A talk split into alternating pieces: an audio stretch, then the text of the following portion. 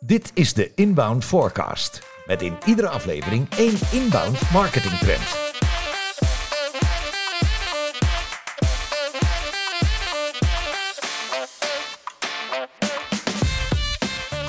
SEO vanuit een ander perspectief.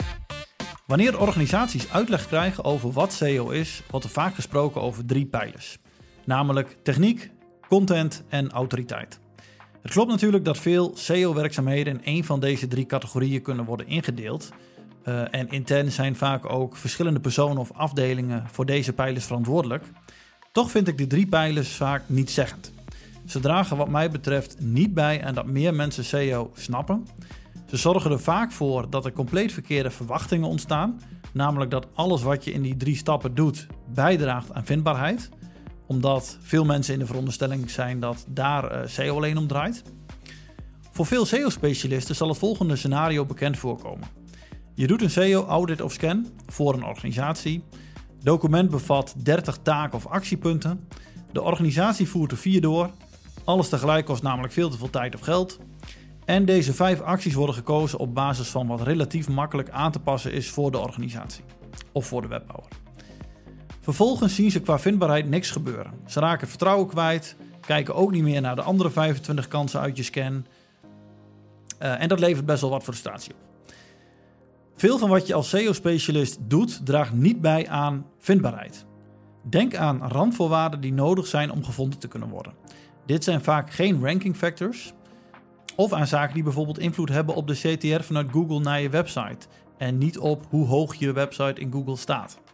Zelf werk ik al een jaar of acht met een zevental andere SEO-pijlers. Of eigenlijk is stappen een beter woord, omdat er een bepaalde volgorde in zit. Voor mij werken deze stappen beter. In dit artikel wil ik mijn perspectief op SEO delen, zodat het ook gebruikt kan worden door anderen die het relevant vinden. Voor de meer ervaren SEO-specialisten zal het waarom achter veel van deze SEO-werkzaamheden die hier beschreven staan niet nieuw zijn. Maar hopelijk geven de stappen dan toch een net iets ander perspectief om naar je dagelijkse werkzaamheden te kijken of handvatten om je werkzaamheden anders in te delen. En dat andere perspectief is natuurlijk nooit verkeerd. Het is wel goed om te weten dat deze stappen relevant zijn voor SEO gericht op de vindbaarheid van je website en niet op SEO op bijvoorbeeld Amazon, YouTube, Pinterest, TikTok of welk ander platform dan ook. De stappen hebben Engelse namen, maar kunnen natuurlijk gewoon makkelijk naar het Nederlands vertaald worden. Stap 1 available, stap 2 crawlable, stap 3 indexable, stap 4 renderable. Stap 5, interpretable. Stap 6, findable. En stap 7, clickable. Stap 1, available. SEO begint met iets hebben waarmee je gevonden kunt worden. Het is heel simpel. Als je geen pagina hebt over een bepaald onderwerp, dan heeft Google ook niks om te tonen in de resultaten. Dus je wordt niet gevonden. Er moet dus iets beschikbaar zijn, oftewel available, om mee te ranken. Je keyword research en gesprekken met bijvoorbeeld subject matter experts zijn hierbij erg belangrijk.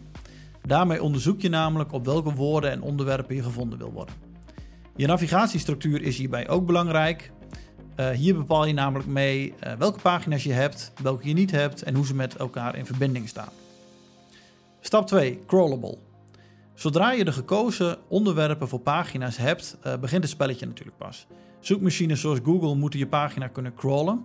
Iedere pagina die niet gecrawled kan worden, kan ook niet in de index van Google terechtkomen en kan dus ook niet gevonden worden.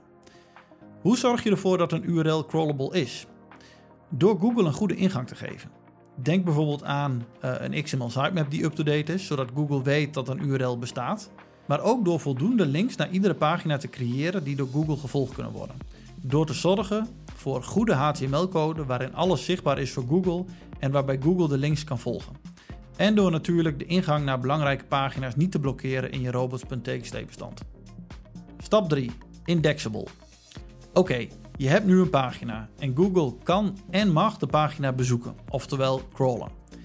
Dit betekent nog niet dat Google de pagina ook in hun index wil en mag opslaan. Hoe zorg je ervoor dat Google dit wil en mag?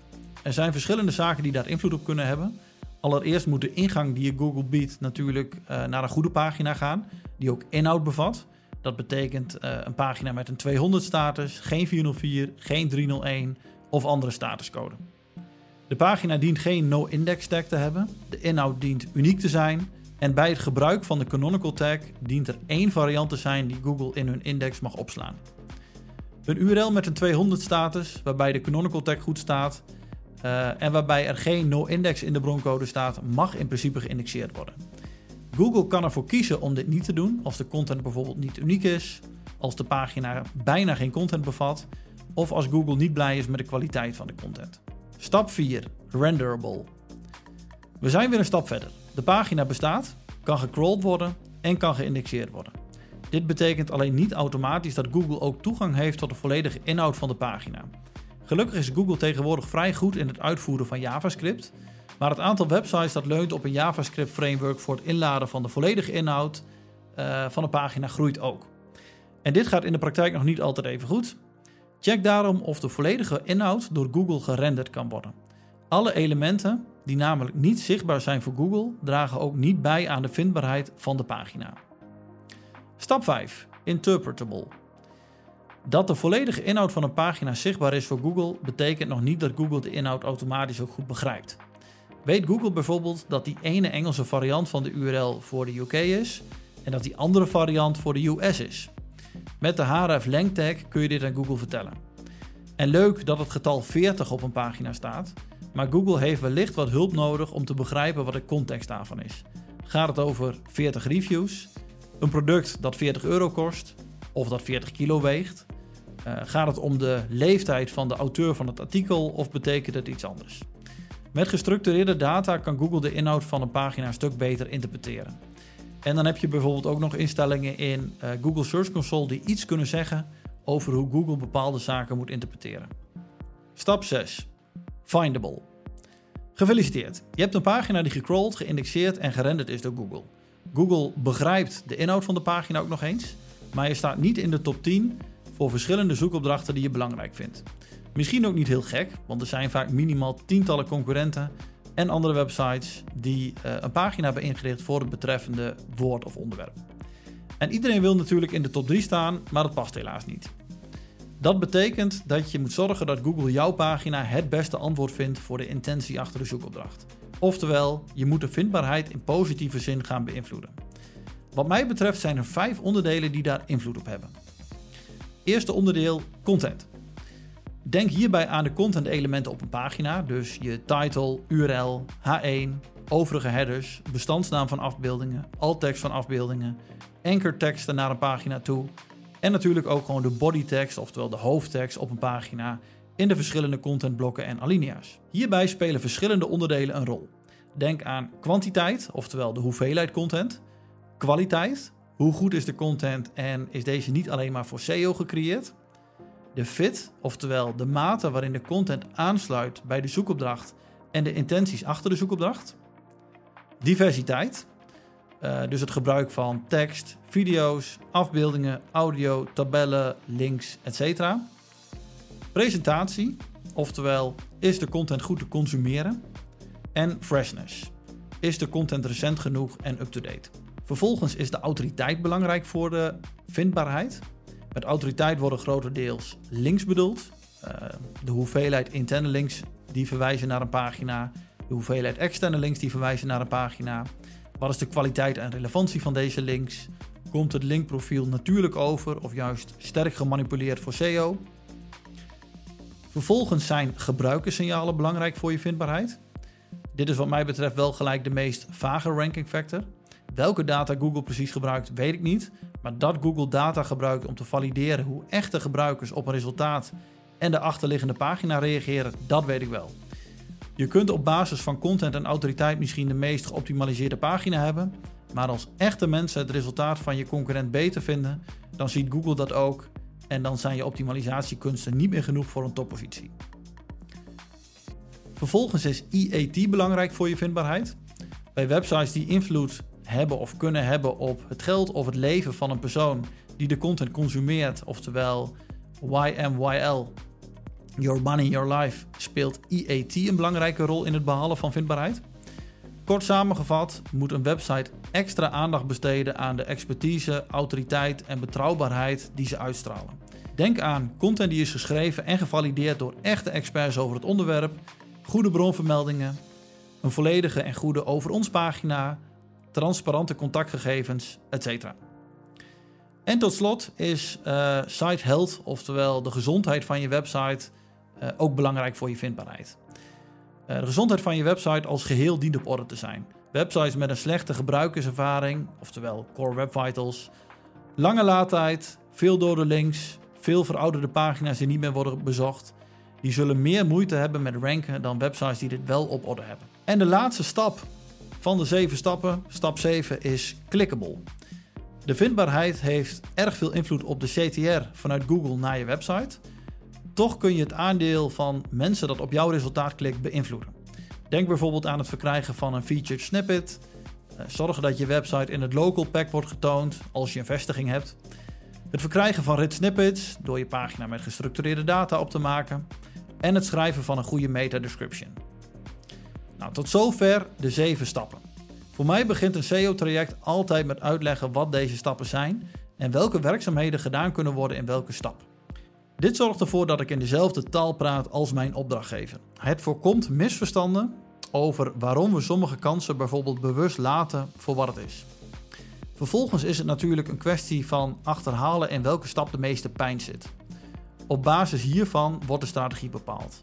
Aan welke van de zeven knoppen moet je binnen de gestelde kaders, oftewel tijd, uh, geld en technische beperkingen, gaan draaien om onderaan de streep een zo goed mogelijk resultaat te krijgen.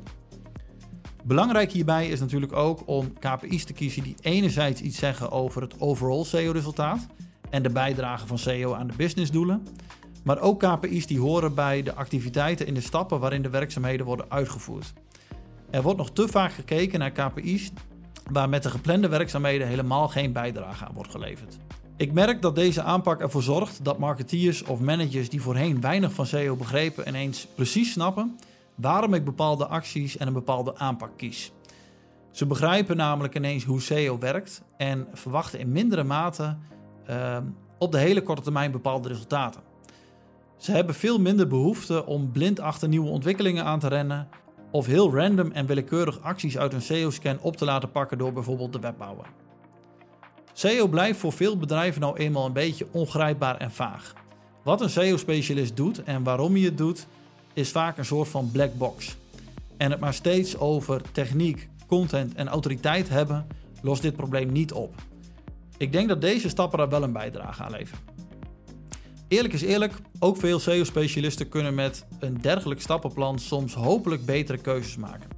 Ik zie het namelijk nog zo vaak voorbij komen in de praktijk. Het crawlbudget optimaliseren terwijl een website geen crawlproblemen heeft. Uh, onevenredig veel tijd besteden aan een betere laadtijd, terwijl dat niet de oorzaak is van de slechte vindbaarheid. Content schrijven voor pagina's die al vrij goed gevonden worden en die helemaal geen grote bijdrage hebben aan meer leads.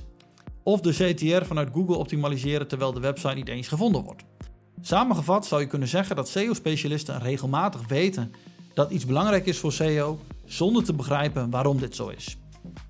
Nou, tot slot een paar nuances. Dit stappenplan is een hulpmiddel. Het is niet de absolute waarheid in alle scenario's. Eh, het is ook niet 100% volledig en bepaalde werkzaamheden kun je wat minder goed onderbrengen in dit model. Dus bijvoorbeeld een website migratie of de ontwikkeling van een nieuwe website waarbij SEO wel belangrijk is, maar je toch vaak op een iets andere manier weer naar SEO kijkt. Sommige activiteiten vallen in meerdere stappen. Bijvoorbeeld de snelheid van je website kan in crawlable en in findable vallen. En uh, de title van een pagina kan in findable en clickable een rol hebben.